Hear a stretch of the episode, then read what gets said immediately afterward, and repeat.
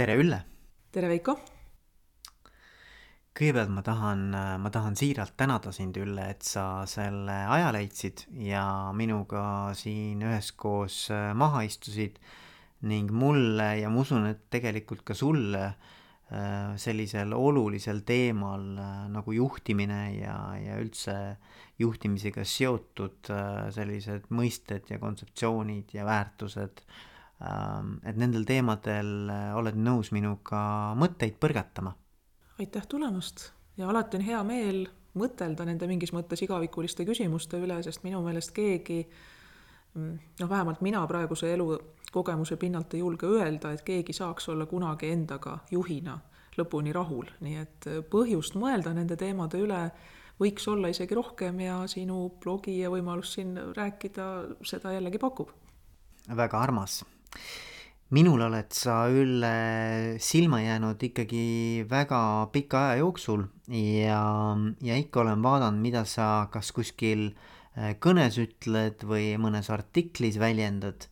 ja viimati, kui ma ei eksi, siis nägin sind äh, äh, Pare juhtimiskonverentsil esinemas ja, ja üks asi, mida ma hea meelega peegeldaks sulle ja, ja mida, mida selgelt nii-öelda nagu äh, nagu tugevusena sinus näen, on, on see, kuidas sa oskad äh, oma mõtteid äh, väga selgelt, lihtsalt ja konkreetselt väljendada. et äh, kas seda on sulle ka varem öeldud?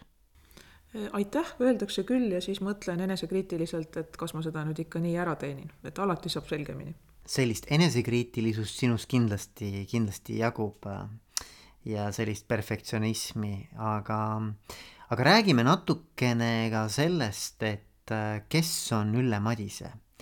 et kuidas sa ennast inimesena kirjeldaksid? parema meelega ei tutvustagi, sellepärast et ma tean, kes ma olla tahaks. ma olen väga enesekriitiline ja sageli märkan, et ma päris see, kes ma olla tahaks, võib-olla ei ole. ma tean seda, tõesti, kes ma tahaksin olla ja mille poole ma püüdlen ja mida ma ise tunnen, kui ma midagi teen või ütlen, aga eks ma vahel enesekriitiliselt vaatan, et see, mis mulje teistele jääb, ei pruugi olla see, mida mina soovisin. arusaadav, Ülle. aga sinu taust on see, et äh, sa oled olnud enne õiguskantsleri rolli, oled olnud äh,, oled olnud õigusteaduste professor, eks ole jah, ma olen mitmes ülikoolis olnud, aga Tartu Ülikoolis see riigiõiguse täisvolitustega professori roll vast akadeemiliselt kõige kõrgem, jah. ja nüüd oled olnud äh, õiguskantsleri rollis äh, ametis äh, üle viie aasta? täpselt nii.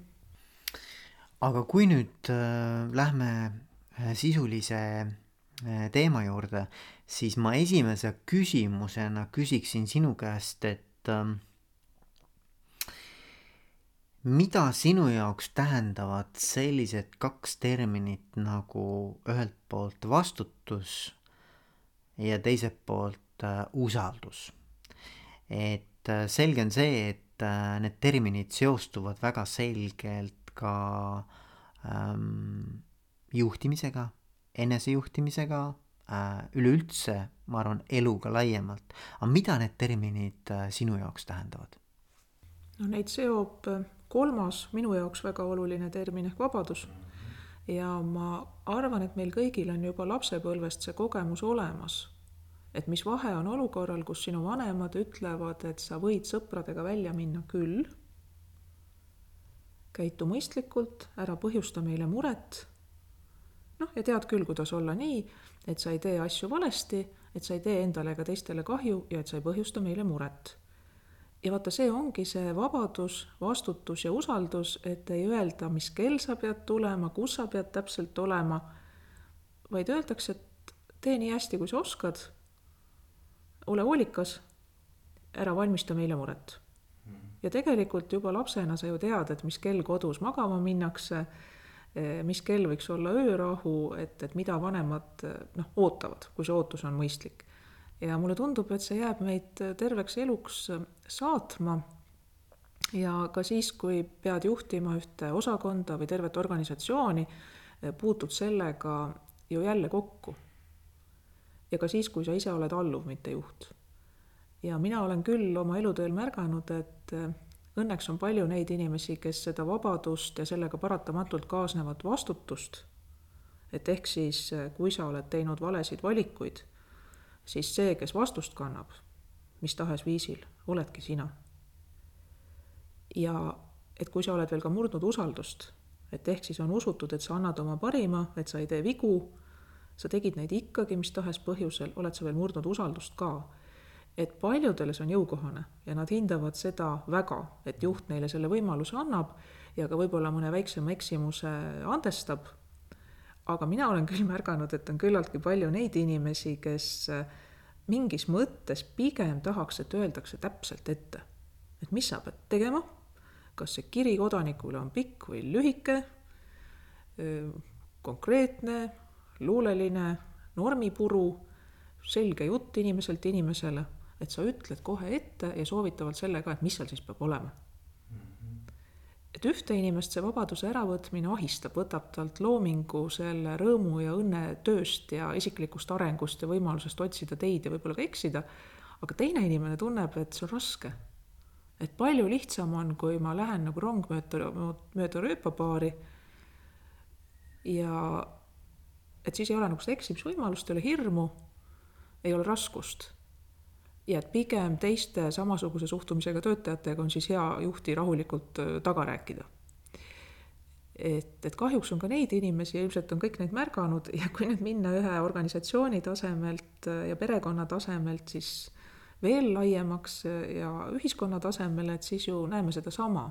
et kas või praegu koroonakriisi tingimustes ettevõtlikumad inimesed, kelle ettevõtlus on praegu löögi all või tavapärane eluviis ja nad näevad, et tegelikult ettevaatlikult, niimoodi, et ise ei saa nakkust ja teisi ei nakata, oleks võimalik äh, täitsa paljut edasi teha. noh, lihtsalt ettevaatlikumalt, nii nagu alati, et hoida oma restoran või, või spordisaal või kino või, või muu ettevõtlus elus ja samal ajal nakkust mitte levitada, et see oleks täiesti võimalik.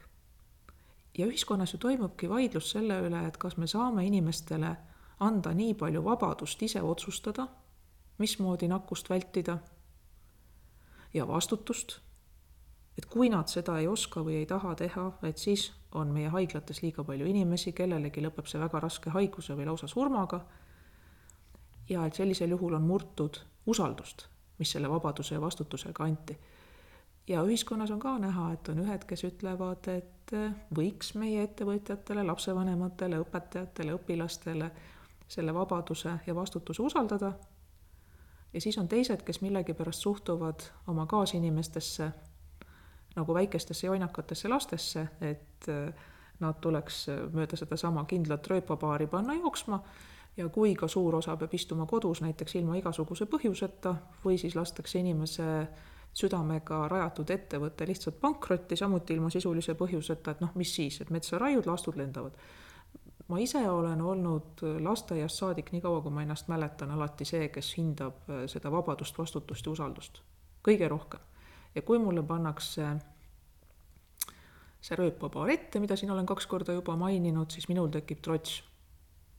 ja olen näinud, et päris palju on teisigi selliseid inimesi, et kes sellisel juhul teevad oma asja kuidagi formaalselt ära, noh, sai tehtud kah, aga niimoodi pilkega ja põlgusega aga vaat, kui sulle antakse vabadus ja vastutus ja sa tunned, et äh, kas sinu vanemad usaldavad või, või siis sinu juht usaldab või, või sinu valitsus ja, ja kaaskodanikud usaldavad sind, et vot siis ma olen trimmis ja annan oma parima. mul tekkis äh, kohe sinu selle jutu peale nii palju erinevaid seoseid mul endal eelmistest äh, vestlustest äh, ja, ja võib-olla üks selline huvitav seos, mida siin kohe ka sinuga jagada ja sinu mõtteid sellele küsida, on, on see, et, et kui me võtame sellise olukorra, kus siis äh, juht ähm, ütleb oma tiimiliikmele, et tead, et ma usaldan sind, et sa saad selle asjaga hakkama. Ja, ja kui siis nüüd see tiimiliige saab selle usalduskrediidi, siis äh, mis juhtuma hakkab, on see, et ta püüab igast hingest või iga, iga hinna eest, noh, no ütleme nii, oma parima äranägemise ja oskuste juures äh, ka selle usalduskrediidi välja teenida. nii et, et tegelikkuses keegi ei taha seda saadud nii-öelda siis äh, usaldust äh, kuidagimoodi maha lasta kukkuda mm,? inimesed on erinevad, aga jah, õnneks on palju neid, kes äh, vabadust, vastutust ja usaldust hindavad, aga on teisi, kellele see ei meeldi ja mulle tundub, et see antud äh, vabadus või usaldatud vabadus tiivustab neid, kes on õigel tööl, kes teevad seda, mida nad teha tahavad. Ja juhul, kui seesama juht, kes äh, vabaduse usaldas, on loonud töökeskkonna, kus kui sa püüdsid kõige paremini, aga ikka läks midagi, läks valesti, et võib-olla sinu tõttu, aga võib-olla ka sinust sõltumatult, et siis on keskkond, kus see eksimine andestatakse. et, et mulle tundub, et need tingimused on siin ka olulised. et kui sa lihtsalt annad inimesele vabaduse, aga sa ei ole loonud seda keskkonda, kus inimene julgeb riskida et siis ähm, ka see ei pruugi üldse tiivustada. noh, kui minna pisut konkreetsemaks siin näiteks minu töös no mis meil on hetkel praegu arutelu all seoses ettevõtjate pöördumisega, et kas tööandja peab lähikontaktsena koju määratud inimesele kinni maksma karantiinilehe. et kui suur on seal töötaja omavastutus, eh, noh, eraldi arutatakse, et võib-olla see peaks olema haigusleht, aga meie muidugi vaatame nii, et, et kui inimene on terve, siis ei saa talle kirjutada haiguslehte. Kui on karantiinileht, on karantiinileht ja kui see on tasustatud ja seal on tööandja osa, siis see peab olema ka seaduses niimoodi kirjas. Ja nüüd minu meelest ongi väga hea, kui meeskond, kes seda lahendab, vaatab riiki tervikuna, eh, vaatab, et ei juhtuks lõpuks nii, et need vastutustundlikud tööandjad, kes eh, inimestele, kes olid lähikontaktsed või siis ootasid oma koroonatesti tulemust, ikkagi säilitasid palga, et need inimesed saaksid jääda koju, ka siis, kui ei ole kaugtöö tegemine võimalik, et selliseid tööandjaid meil oli, et et näiteks nemad ei saa pärast karistada erisoodustusmaksu kohustuse näol või midagi taolist. et mul on nii hea meel vaadata, kuidas meie meeskond mõtleb seda igakülgselt läbi, et nii ettevõtja huvides, perearstide seisukohalt, töövõtja seisukohalt, tööandja seisukohalt ja otsib parimat lahendust, mis oleks kõikide suhtes õiglane mm. -hmm. ja see on ka minu jaoks olnud üks suuri ülesandeid siis, kui olen juhi rollis olnud, et kuidas tekitada selline tiivustav õhkkond. Et ühelt poolt sa pead olema trimmis, sa ei tohi olla ükskõikne, peadki püüdma anda oma parima, aga samas noh, kui läheb ka midagi halvasti, noh vahest ikka läheb, et kes palju teeb, teeb ka palju vigu muidugi, et, et siis on see meie ühine mure ja sellest punktist mitte ei otsi süüdlasi, vaid lähme rõõmsalt edasi mulle jääb siit äh, kõlama selline mõte, et kuidas luua selline inimlikkust äh, äh väärtustav ehk siis ka eksimusi lubav tööõhkkond.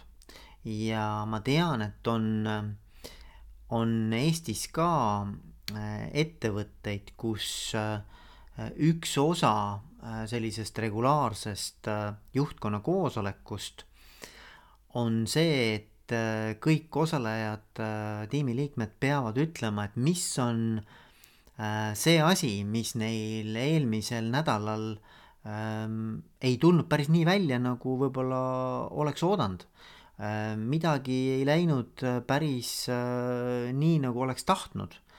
ja mida sa sellest siis äh, kõrva taha panid või mida sa õppisid sellest? no täpselt ja vot, kui sa ütlesid, et, äh, et miski ei tule võib-olla nii välja, nagu juht ette kujutas, siis nüüd siin õiguskantsleri ametkonna kogemuse pealt äh, rääkides pean ütlema, et ma tihtipeale ei tahagi ette kujutada konkreetselt, mis välja tuleb.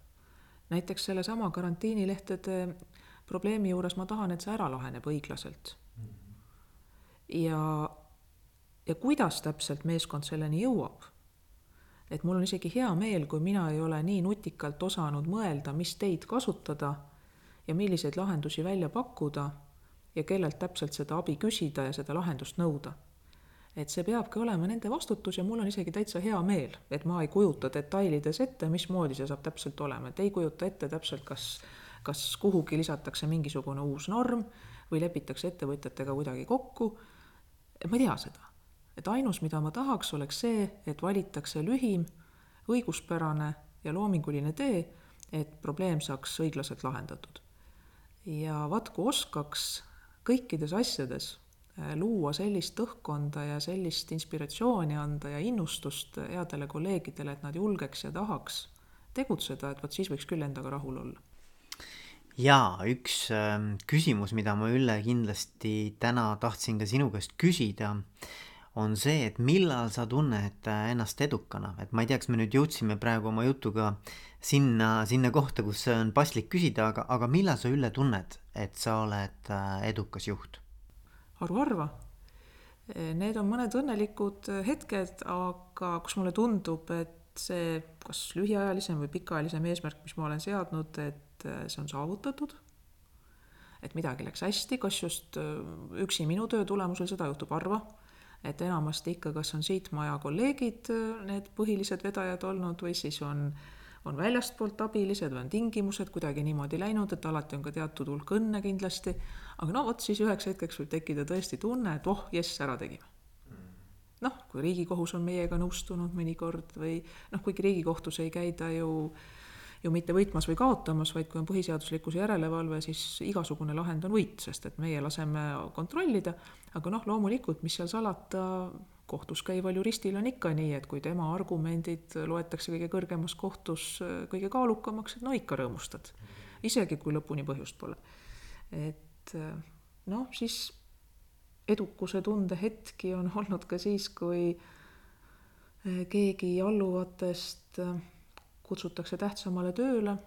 et ühelt poolt on väga kurb, et näed, eh, hea inimene läheb ära, aga teiselt poolt lugesin kuskilt teoreetiliselt ja hiljem olen tunda saanud praktiliselt, et juhile pole suuremat kiitust kui seda, et tema lähikonnast sirguvad uued ja võib-olla veel paremad juhid kes viivad kaasa seda head, mis nad on õppinud ja kindlasti nendest vigadest, mida mina teen, jälle omakorda õpivad ja neid vigu ei tee, küllap teevad mingeid muid. Et see on pigem auks. jaa, mulle meeldib ka, mulle meeldib ka nii mõelda. ja, ja võib-olla olekski noh, üks selline mõte, mida sellest meie vestlusest kõrva taha panna, et et juhina on sinu edukus sõltuv loomulikult Äh, nendest tulemustest, mida sa siis oma käesoleva meeskonnaga suudad saavutada. aga teiselt poolt ma arvan, võib-olla selline vähemalt sama oluline kui mitte olulisem äh, kriteerium oma edukuse hindamisel on kindlasti ka see, et et kas minu meeskonnast on välja kasvanud äh, väga häid teisi juhte, võib-olla isegi paremaid juhte kui, kui mina ise.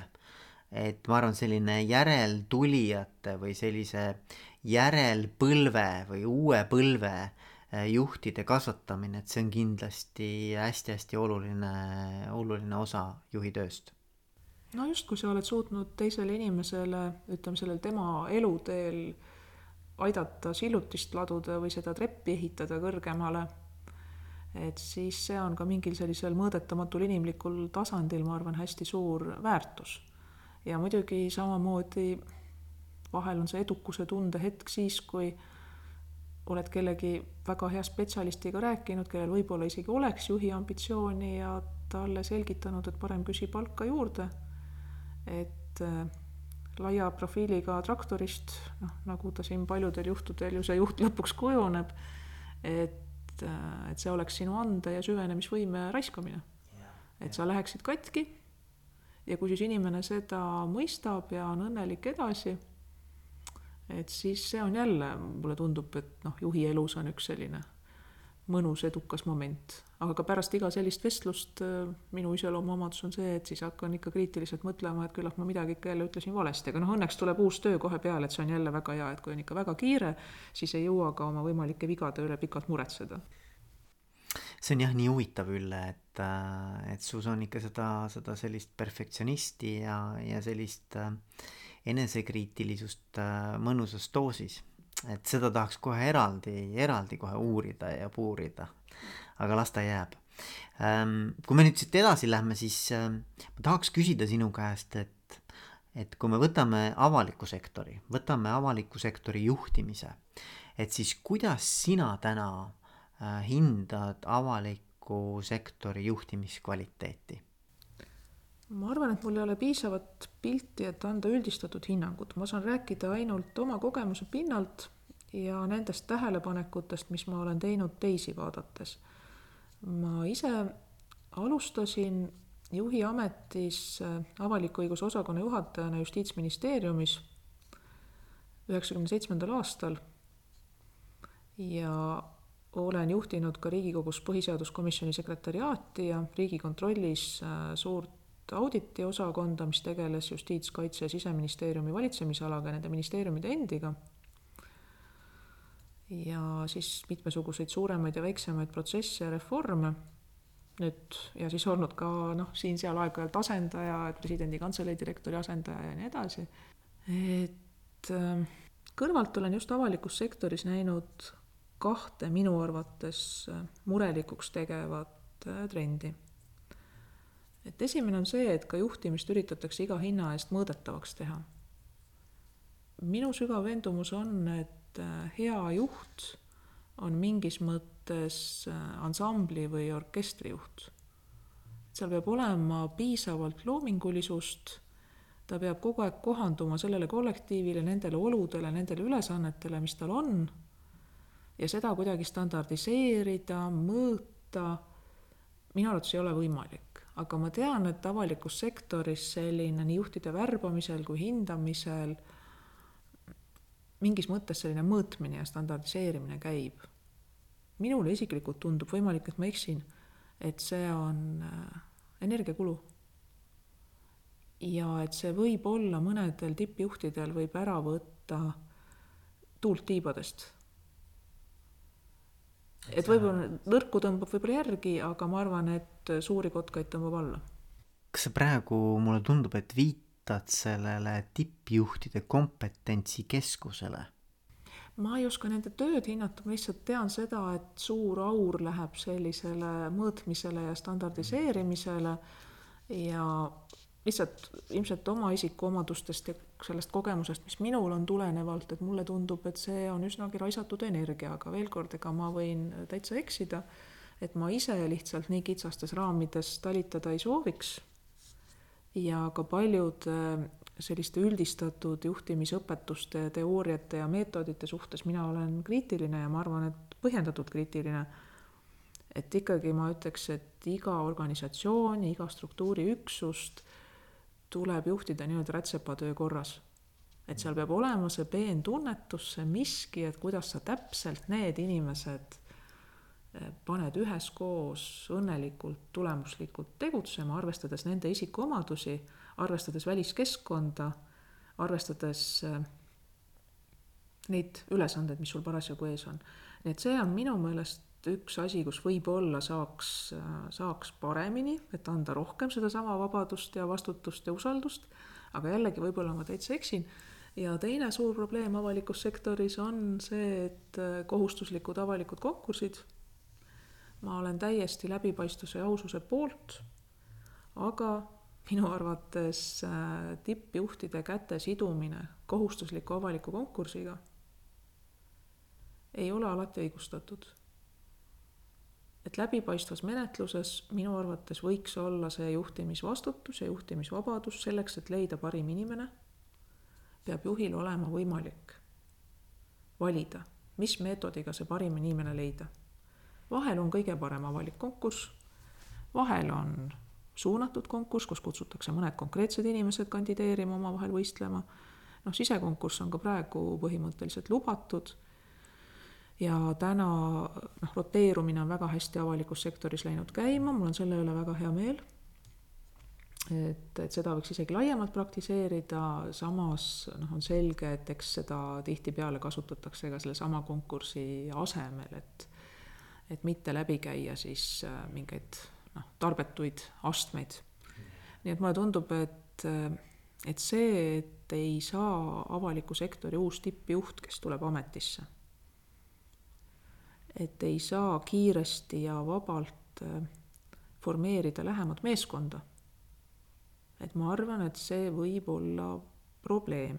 et ma väga palun seda mitte valesti mõista, et mitte mingil juhul ei tohi olla ametnikkond politiseeritud, hea juht kindlasti ei palka inimesi, kes on temast rumalamad või, või inimesi, kes ei ole sellele kohale kompetentsed, ei sobi sinna, vaid mis see, mis mina silmas pean, on, et igal tasandil tuleks Eestis raiskamist maksimaalselt vähendada, pühendada kogu energia inimeste juhtimisele ja tulemuste saavutamisele.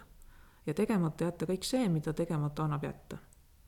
ja siin on võib-olla mõned asjad, mida jah, mina võtaks välja, aga jah, veel kord, see on minu isiklik kogemus ja, ja lihtsalt ma ise pole mitte kunagi, niikaua kui ma ennast mäletan, selleks, et ma ennast liigutaks ja pingutaks, ma ei ole mitte kunagi vajanud mingisugust konkurentsi, mingisugust mõõtmist, et, et mul pole seda vaja. ja mina, mina hästi usun seda, et, et äh, iga juht peab saama valida ise oma meeskonna.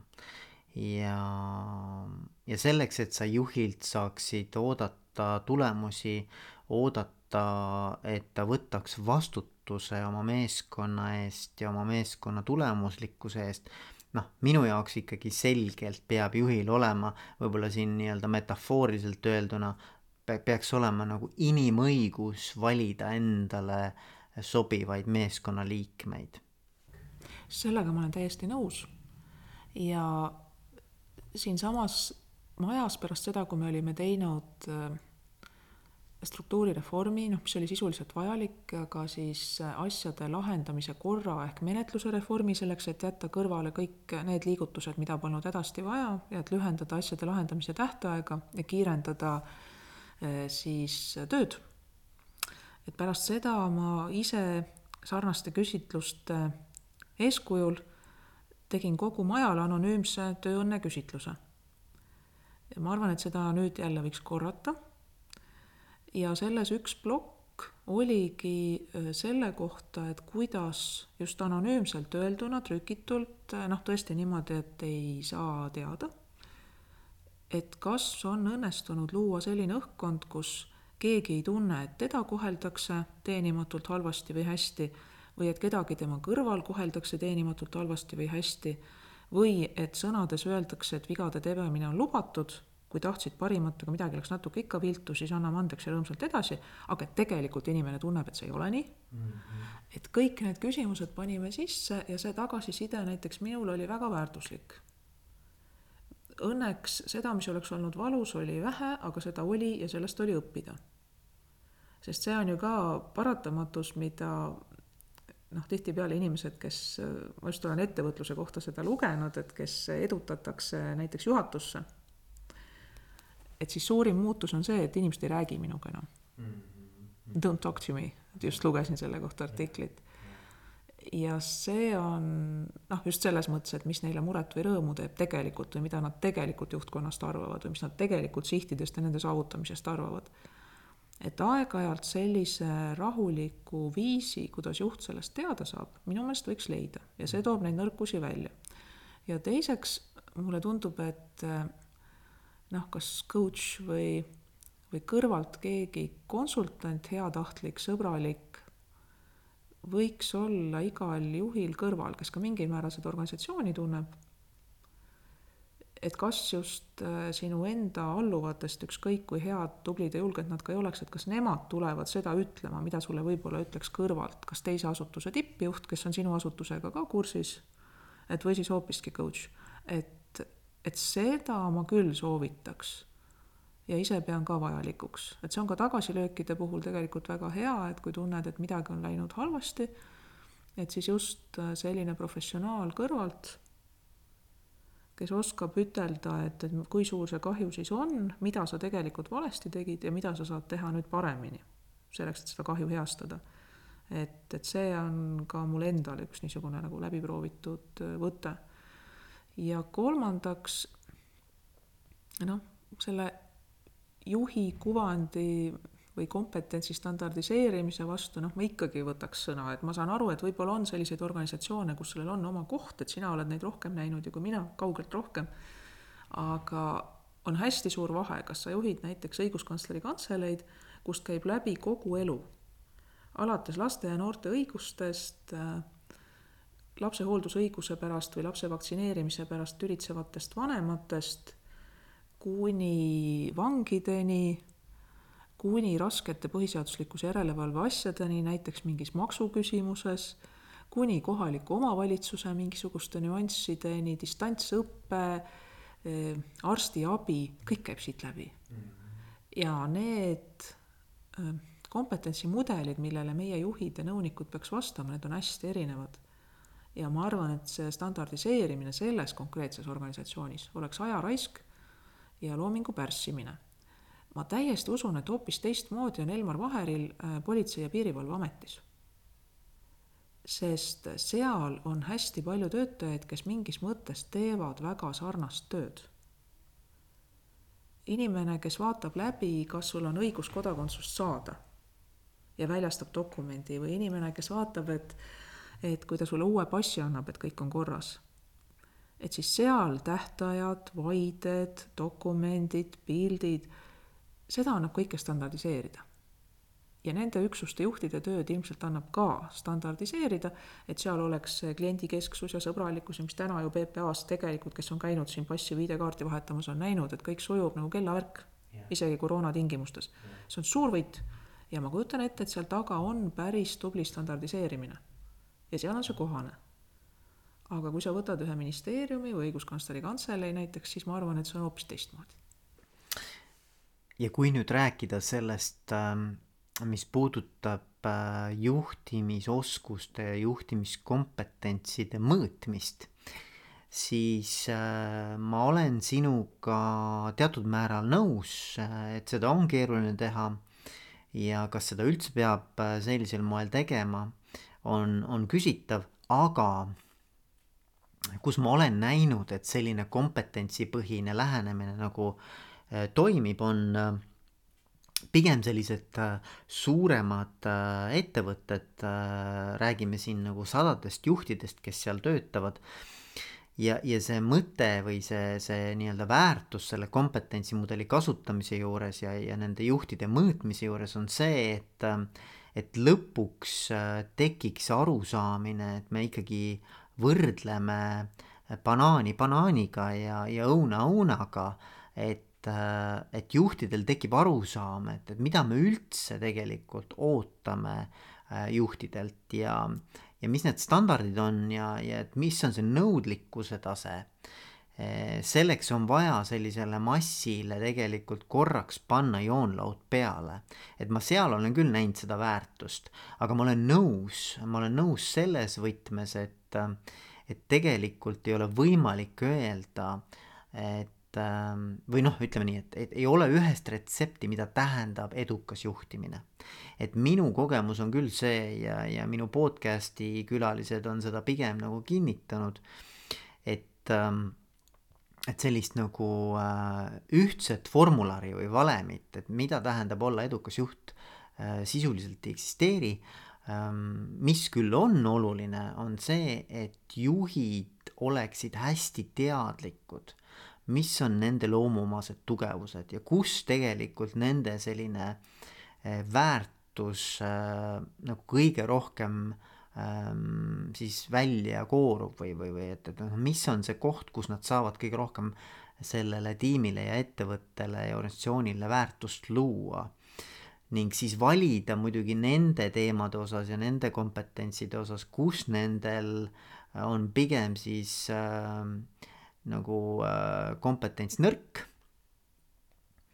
Valida endale sellised tiimiliikmed, kes siis äh, ühel või teisel moel aitavad tasakaalustada neid nõrkusi äh,, kompenseerivad seda poolt. et äh, aga, aga jah, ma olen, ma olen nagu pigem seda meelt, et, et keskenduda tugevustele ja, ja olla hästi teadlik, et miks mina just nende tugevuste najal sobitun praegu sellesse ettevõttesse, selles arengufaasis ja et kuidas ma seda meeskonda ja ettevõtet just eh, nagu noh, et mina olen see kõige õigem inimene täna eh, eest vedama. aga liigume võib-olla siit, siit edasi. et meil kõigil, nii nagu sinul ka, Ülle, on olnud elus mõned inimesed, kes meid on rohkem mõjutanud ja kes meie kujunemisloos on olulist rolli mänginud. samuti ilmselt on ka mingid sündmused, mingid etapid elus, mis võib-olla on meid rohkem mõjutanud äh, ja, ja kujundanud meid sellisteks, äh, nagu me täna oleme. et kes on olnud sinu elus äh, need inimesed, need isiksused, kellelt sina oled kõige rohkem saanud ja, ja võib-olla ka mõned sündmused või etapid elus, mis, mis on olnud sellise murrangulise tähtsusega sinu jaoks Neid on olnud palju ja ma ei hakkaks neid äh, eraldi välja tooma. et kui siis äh, võib-olla ainult oma isa, kes on nii protsesside kui inimeste juhina minu teada olnud äh, hiilgav. ja tema andis juba siis, kui ma olin küllalt väike, kaks väga olulist tarkust eluteele kaasa. Et üks oli see, et kui sa oled juht, et siis alati ümbritse endast endast parematega et katsu olla koos nendega, kes on sinust targemad, tugevamad, sportlikumad, ilusamad, igas mõttes paremad. et ära neid pelga. -hmm. et kõige halvem, mis sa saad juhina teha, on see, et sa kogud enda ümber inimesed, kes on sinust kehvemad. tiivusta teisi, ole rõõmus, kui neil läheb hästi, ole rõõmus, kui neil läheb sinust paremini. et see on suur asi, kunagi ei tohi kedagi tagasi kiskuda et inimeste tiibadesse tuleb püüda just puhuda tuult. et neil oleks kerge ja õnnelik ja hea. ja teine asi, et äh, need inimesed, kes on sinu ümber koolis, sattusin tookord mingil põhjusel seal virisema, et ei tahtnud mõnda tundi minna või olin kellegiga riidu läinud koolis. et need inimesed jäävad sinu ümber kogu su eluks. kohane. Heatujuliselt ja ma mäletan, et ma üritasin vaielda, et noh, kindlasti ei jää, nii nagu laps ikka jonnib mm. -hmm. isa ütles, et jäävad, jäävad mm. -hmm. ja täna ma saan aru, et see on täiesti õige ja ongi mm. -hmm. et need tüpaažid, nii kaasõpilased kui õpetajad, tegelikult kõiges oma toreduses, vaata lapsena sa ei saa ju aru, et see eripära, see, et inimesed on nii erinevad ja võib-olla keegi käib sulle ka närvidele, et see on tegelikult hästi tore aga selles mõttes mulle tundub, et ka see niinimetatud ühtluskool või noh, lihtne kool, kus ei ole siis kõik katsetega võetud ja üsna sarnast tüüpi lapsed, et et see annab mingis mõttes eluteele palju laiema selliste noh, kogemuste paleti kaasa. et sa oled koos olnud hästi erinevatest peredest, hästi erinevate lastega juba väiksena. et minul see õnn oli, aga jah, tollal ei osanud seda iga päev õnnena näha, aga vot isa ütles, et jah, õpi kohane, et äh, täpselt nii saab see olema kogu sinu elu ja sa pead oskama õnnelikult koos elada just nende inimestega. ja põhjust on ka, sest need on väga toredad inimesed. ja on tõesti. et äh, ja edaspidi, eks on ju nõnda, et, et ma olen õppinud sellest, mis mulle endale alluvana minu ülemuste juures ei ole meeldinud. ja ka sellest, mis on meeldinud. sellest, mis pole meeldinud, olen püüdnud teha omad järeldused. Et näiteks ma pean eduka juhi puhul väga oluliseks seda, et teda tõesti huvitab see valdkond, mida ta juhib. et ta ise saab sellest aru, et tal on selles sisulist autoriteeti, et on huvi ja võimet, kui on põhjust näiteks mingis asjas kontrollida, et kas lahendus on õige või on põhjust kaasa mõelda lahenduse üle, et siis on ta võimeline seda tegema. et see on minu arvates hästi oluline teiseks on oluline, et juhi ja tegeliku töö tegijate vahel ei ole mingit sellist äh, vahekihti, mis võib kujuneda kas intriigipesaks või, või piduriks või paratamatuks selliseks menetlusetapiks, mis tõmbab hoogu maha. et mulle tundub, et ka tippjuht ikkagi noh, vähemalt siis järgmise astme juhtidele peaks olema vahetult kättesaadav. ja kui juba nõupidamine on, siis võtma aega selleks, et kuulata ja vajadusel jõuda selle otsuseni, mille järele tuldi. et see on tõesti olnud üks äh, järeldus, mis ma olen noh, oma seniste kõrvaltvaatluste tulemusel teinud ja võib-olla kolmas, et juht ei tohiks piirduda kontrolli illusiooniga. et eriti aastaid tagasi, siis kui mina tööelu alustasin, et siis olid moes ka nii-öelda juhtjuhid, et kes võib-olla seda valdkonda nii väga ei tundnudki ja võib-olla ei huvitanud ka, aga kes lõid endale kontrolli illusiooni näiteks sellega, et võtsid stopperiga ukse peale aega või midagi. et äh, vot see on see, mis teeb juhi minu meelest naeruväärseks, aga juht peaks olema parimas mõttes autoriteetne inspireerija. noh, mis mulle on väga meeldinud, et siin võin ka nimeliselt välja tuua, et äh, näiteks Toomas Hendrik Ilves ja ka nüüd ametist lahkunud Jüri Ratas, näiteks mõlemad on virtuoosid meeldejäävate hetkede loomisel. et kas pärast mingit edukat kohtumist vaadatakse koos päikseloojangut merel, võetakse, minnakse, vaadatakse mingit vana tamme, räägitakse selle lugu, et noh, sellised erinevad väikesed hetked, see ei võta palju aega, aga juht on pööranud asjaosalistele vajalikku tähelepanu.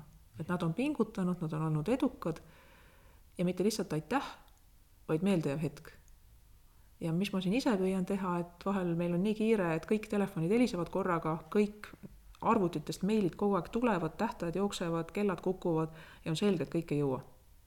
ja me oleme päris mitu korda teinud nii, et ei plahvataks selles stressis, et lähme rõdule, vaatame viisteist minutit laevu, vaatame liiklust kuskil kaugemal üle katuste, siis tuleme rahulikult tagasi, mingid asjad on ära vajunud, niikuinii poleks jõudnud ja siis teed järjest ja vot see on, on, mida on olnud väga head õppida.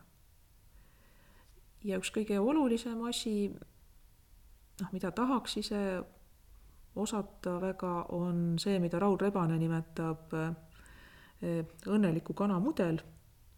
Et ehk siis, kuidas teha oma meeskonnale ka see protsess, millega tulemuseni jõutakse õnnelikuks ja Raul Rebane minu meelest väga õigesti väidab, et hea töö tulemus tuleb siis, kui inimene on sinnapoole püüeldes õnnelik. et selle õnneliku kana mudeli ta teatavasti võttis käibele, kui ta Gerd Kanterist koos tiimiga olümpiavõitjat ette valmistas, aga see kehtib ka palju laiemalt, et see kehtib tegelikult igal pool. Jaa, ma olen hästi nõus, et äh, kui sa oskad nautida seda teekonda tulemuste poole, et siis äh, suure tõenäosusega on ka see tulemus ikkagi ähm, äh, parem. siis on lootust, et see tulemus saab hea, sest muidu noh, minu enda iseloomu puhul oleks ilmselt garanteeritud hoopiski pettumus. aga iga päev ja iga tund võiks olla nii õnnelik kui võimalik. Siin on küll nüüd see koht, kus ma pean, äh, pean küsima su käest, Ülle, et mis sinu jaoks on õnn mm.? see on tõesti hea küsimus. et võib-olla hakkaks veel paremast küsimusest, et mis on elu mõte. ja mina olen jõudnud järeldusele, et elu mõte on teha teisi õnnelikuks või vähemalt mitte õnnetuks ja olla ise ka selle juures nii õnnelik kui võimalik. Ja see õnnelikkus minu jaoks tähendab seda, et on kerge olla, et jagub tähelepanu, sellist rõõmsat heatahtlikku tähelepanu kõikidele, kes on ümberringi et märkad toredat puud, praegu seda, et kuidas lumi näiteks okste peal sätendab, kui hommikul on mõni päikesekiir ja siis märkad mingeid linde ja siis märkad trammis ilusat väikest foksterjerit ja siis märkad, et on keegi tore eakas pensionär, kes on pannud ennast väga kirevalt riidesse, sa rõõmustad tema üle, et näed, vaata kui elurõõmus inimene, kuidagi siis oledki õnnelik. et see on mingi selline salapärane kergus ja teiselt poolt tunne, et et sa oled kuidagi saanud paremaks, kui sa olid eelmisel hetkel. et seda sõnul seletada on küllaltki keeruline. Õnn nimisõnana, see on natukene lihtsam, et noh, õnn võib olla lihtsalt see, et kui sa oled näiteks halduskohtunik ja sulle trehvab niivõrd lihtne asi, et lahendad ära viieteist minutiga, et siis on, et siis on linnuke kirjas sotsialistlikus võistluses. nojah, aga just see, et kuidas olla õnnelik, et mulle tundub, et see õnnelikkus on selline teatud loominguline kergus ja märkamine jaa, see on hästi-hästi põnev teema, et äh, minule seostub äh, õnne sellise terminoloogia või õnnelikkuse kontseptsiooniga selline, selline positiivsest psühholoogiast äh, tulenev äh, käsitlus nagu, et äh, et õnnelik on see inimene, kes on rahul sellega, mis tal hetkel just parasjagu elus on või, või toimub. Et äh, kui inimene saab öelda, et, äh, et minu jaoks on kõik täpselt nii, nagu peabki olema, siis ta ongi õnnelik. et kui ta ei taha olemasolevat situatsiooni või olemasolevaid tingimusi, olemasolevat elu kuidagimoodi muuta, kui see hetk või moment, kus ta tegelikult saab öelda, et kõik on täpselt nii, nagu ma tahan, et oleks, et siis ongi nagu õnnemoment või õnnehetk, eks ju. et, et ma saan aru, et neid selliseid hetki võib olla ähm, vähe ja, ja lühikest aega aga leida elus neid momente, kus me saame öelda, et kuidagi kõik tundubki, et äh, on täpselt nii, nagu, nagu ma tahan.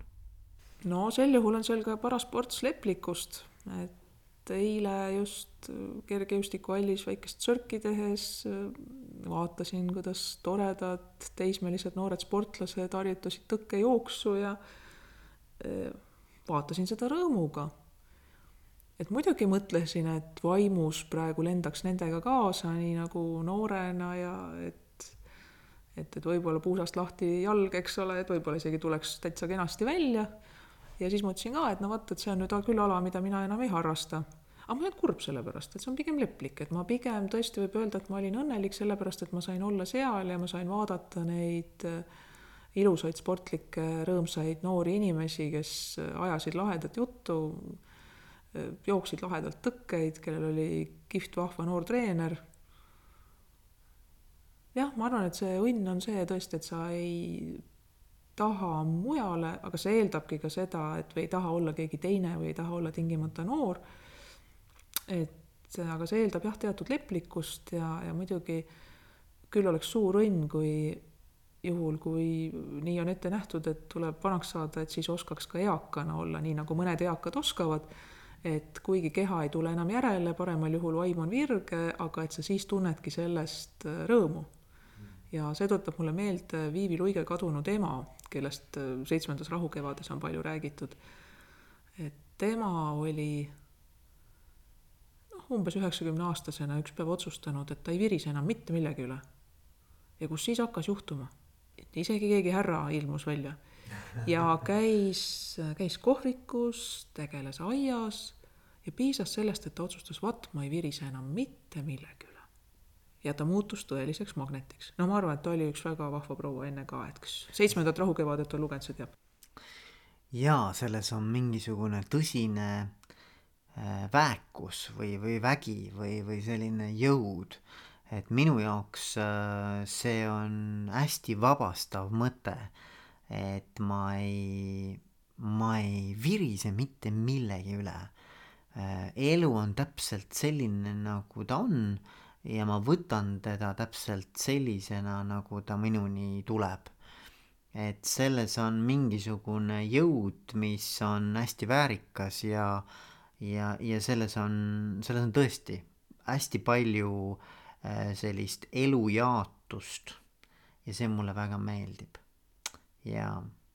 kuule, Ülle, aga liigume siit edasi, siit õnneteemadelt. liigume tuleviku suunas. ja, ja ma küsiks su käest järgmisena, äh, millisena sina iseenda elu ütleme sellises kolme aasta perspektiivis ideaalis näed. et kui me sinuga näiteks saame kolme aasta pärast kokku ja oleks täpselt juhtunud see, mida sa oma vaimusilmas ideaalis nagu tuleviku nägemusena ette kujutad täna, siis äh, mis asi, mis asi see on, mida sa teeksid ja mis rolli sa täidaksid ja, ja kuidas su elu oleks? Ma ei ole mitte kunagi niimoodi mõelnud ja praegu ka ei mõtle, sest siis oleks pettumus garanteeritud. ja siin on jälle pikem lugu, et juba ülikooli, ma usun, esimesel kursusel kui ma käisin Saksamaal praktikas, seal oli palju siis ähm, minust vanemaid üliõpilasi ka. ja ühega neist ma sattusin pikemalt rääkima ja temal oli väga kindel eluplaan. kohe aastate paika niimoodi paigas ja mingis mõttes ma seda imetlesin. Noh, ülikooli lõpetamine ja magistrikraad ja töökoht ja advokaadieksam ja perekond ja noh, kõik niimoodi noh, eesmärgid koos ajaliste piiridega et ühelt poolt ma seda imetlesin ja teisipidi ma otsustasin, et mina nii ei saa, ei taha. et ja sellepärast ma ütleks, et ma oleksin väga-väga õnnelik, kui kolme aasta pärast oleks elus ja terve. Et oleks jaksu ja tahtmist täis ja õnnelik ja siis eks siis paistab. sest mulle tundub, et kui tervist on, et siis on ju võimalik väga palju teha. ja igal pool, kus saab südametunnistuse ja hingega ausat tööd teha, on väga hea. ja kuna mul sellist tugevat hierarhiatunnetust ei ole, mina ei nõua ei enda ees kummardamist, minu uks on lahti kõikidele, mul ei ole endal olnud kunagi ka ühegi oma ülemuse suhtes mingit sellist ebatavalist aukartust, vahest on sellest kohe kahjugi, et see võiks ju olla suur motivaator, aga vot minu jaoks ei ole. ja ei olnud juba, ei olnud juba ammu siis, kui lapsena nägin mõnd selebriiti või kui, kui olin Saksamaal kahe tuhandete alguses Bundestagis erakondade rahastamise kontrolli uurimas, mul olid kõik kaardid, ma sain igale poole sain ligi ja sõin seal Saksa välisministriga kõrvuti lauas võileiba. kah imestasin, et, et peaks nüüd olema suur aukartus. inimene on inimene, et mul on see väga sügav tunnetus. et tõsi on muidugi väga erakordse karismaga inimesi. et näiteks äh, õnnestus kohata Hamid Karzaid, Afganistani presidenti, noh tema karisma on minu arvates erakordne, mis kiirgab meetrite kaugusele. kuule, aga see on, see, see on väga huvitav teema minu arvates ka, et, et on mõned inimesed, kes kohe kiirgavad mingisugust sellist energiat, et kui nad astuvad ruumi, siis see ruum nagu täitub kohe nendega ja mitte halvas mõttes, vaid pigem ütleme sellise jällegi siukse nagu, nagu aupaklikkusega, eks ole et nendes inimestes, nad ei pea isegi midagi tegema, nad ei pea midagi ütlema. Nende olek ja selline, ma ei tea, niisugune kehahoiak ja, ja silmvaade ja, ja kõik selline mm, kehakeel. see kuidagi äh, annab edasi mingisugust väärikust jällegi et, et mina olen ka seda täheldanud mõndade inimeste puhul ja, ja olen alati mõelnud, et mis see, mis see nii-öelda see, see fenomen seal taga siis tegelikult on ma arvan, et Afganistani presidendiks sealses hõimude ja muus olustikus ei saa keegi vähem eriline inimene. ja lihtsalt see ongi midagi, mis võib-olla, et ongi füüsikaliselt mõõdetamatu. võib-olla on see see enesekindlus, täiesti võib olla, jah. see tuleb liigutustest, see tuleb pilgust, see tuleb süvenemisest sellest, kas ta julgeb otsa vaadata, sellest, kuidas ta astub, kuidas ta räägib, kuidas ta hingab. see on mingisugune olek, eks ole. just, täpselt. nii et, et see on põnev ja, ja üldiselt jah, ma arvan, et kui õnnestub mitte teha liiga suuri plaane, olla nii heas vormis, kui iga tervis ja õnn võimaldab, et siis saab rõõmustada paljude asjade üle. noh, väga loodan seda. Ma kindlaid plaane ei tee okei okay,, Ülle, ma küsin teistmoodi, ma küsin natukene teise nurga alt. et kujuta ette, et sa ei oleks täna õiguskantsler, siis äh, mis oleksid need alternatiivsed rollid, mida sa oma vaimusilmas kujutad ette iseennast täitmas? mulle meeldib probleeme lahendada. et sel juhul, kui ma ei oleks äh, õigusteadust õppima läinud, et siis ma oleksin läinud õppima arstiks et just see probleemide lahendamine, loogiliste seoste, põhjuslike seoste otsimine, samal ajal pidev otsing, enda edasiarendamine, siis sealjuures inimeste aitamine, et see on see, mis mind teeb õnnelikuks ja mis mulle meeldib. et seda saab teha nii arstiteaduses kui juuras. et noh, ma usun, et päris huvitav oleks ka kuritegusid uurida. et see on samamoodi põhjuslike seoste leidmine ja et midagi, mis on seotud probleemide äralahendamisega.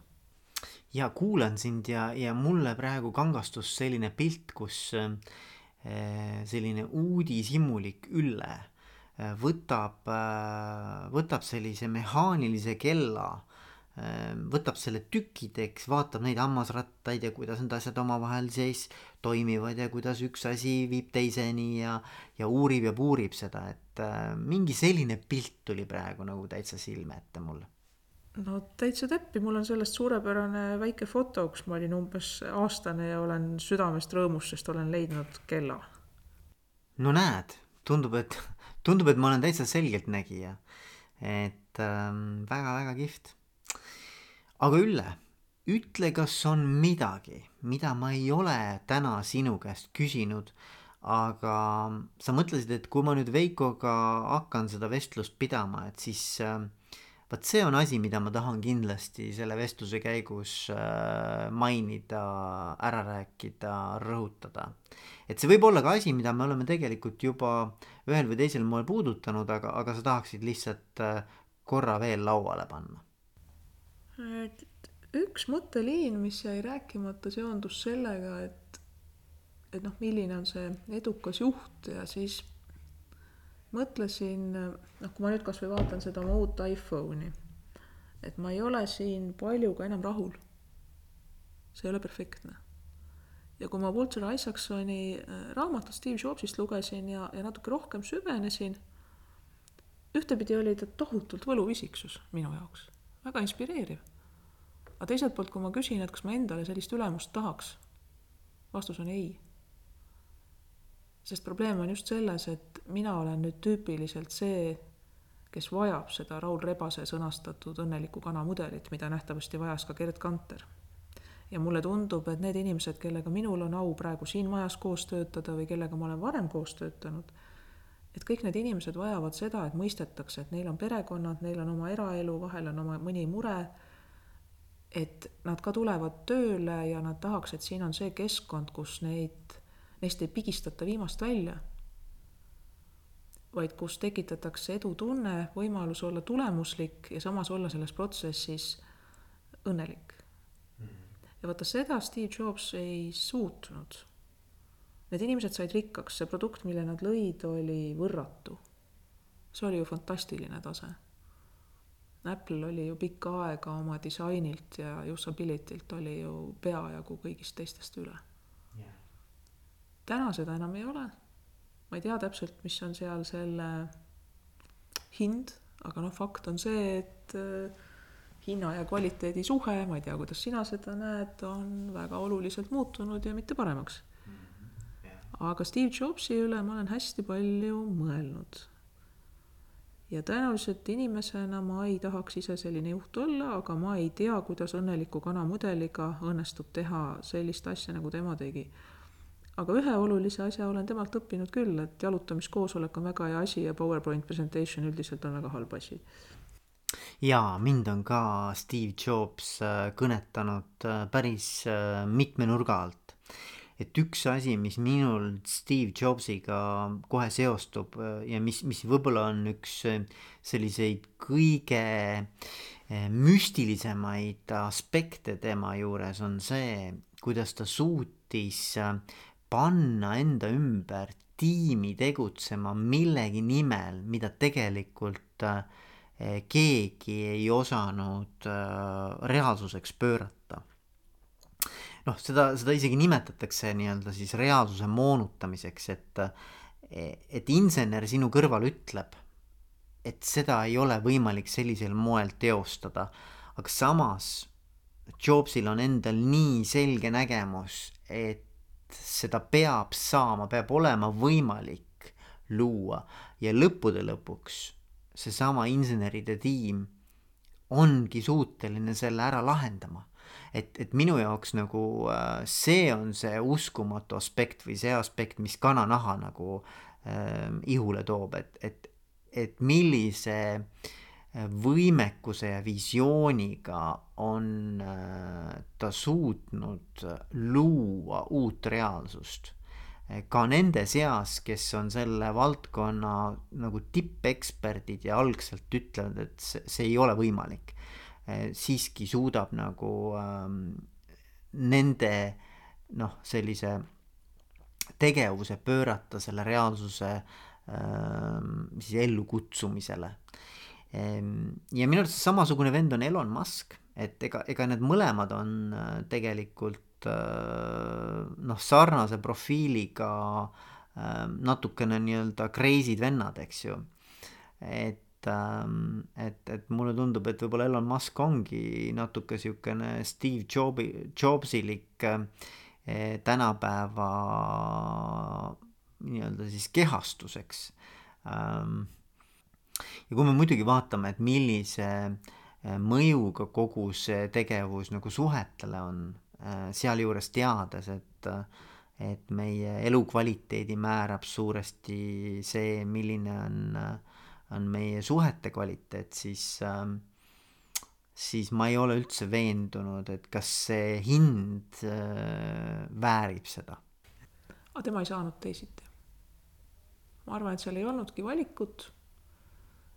mulle tundub, et äh, selliseid suuri ja esmapilgul uskumatuna tunduvaid visioone on võimalik luua ka nii, et sa seda inimlikku soojust ja teiste inimeste enesekindlust ja nende pereelusid ja iseenda pereelu ja tervist ei hävita. aga see kõik ei ole enda teha. et su, ma tean, et sa küsid reeglina, et, et noh, mida sa noorena ütleksid praegusele iseendale.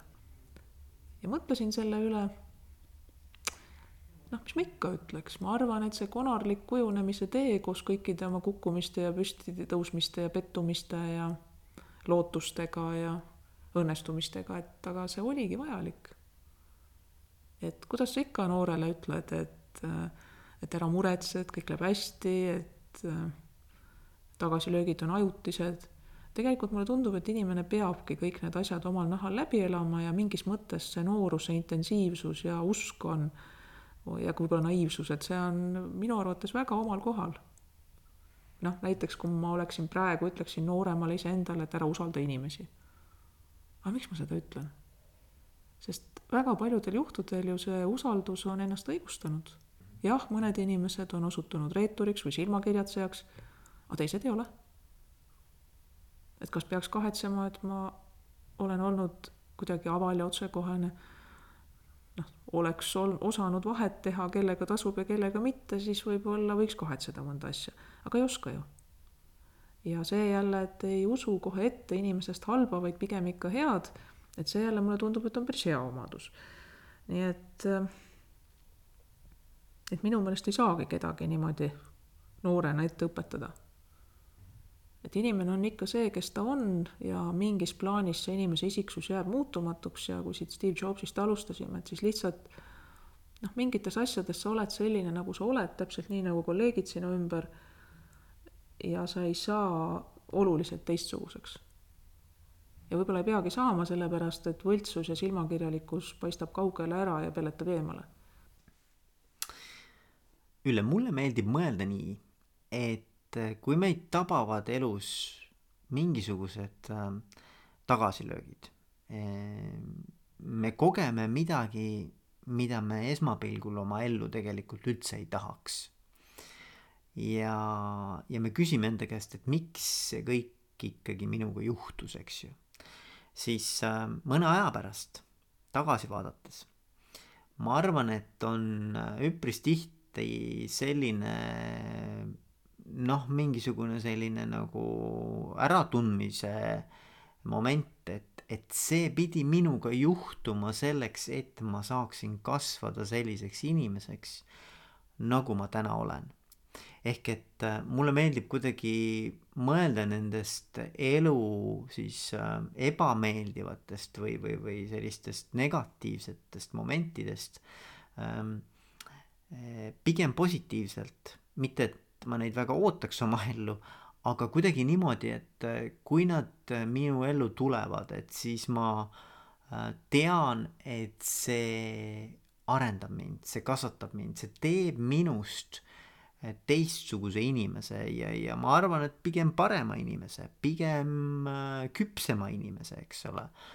ja mõne aja pärast tagasi vaadates ma saan ka aru, kuidas see mind on kujundanud ma arvan ka.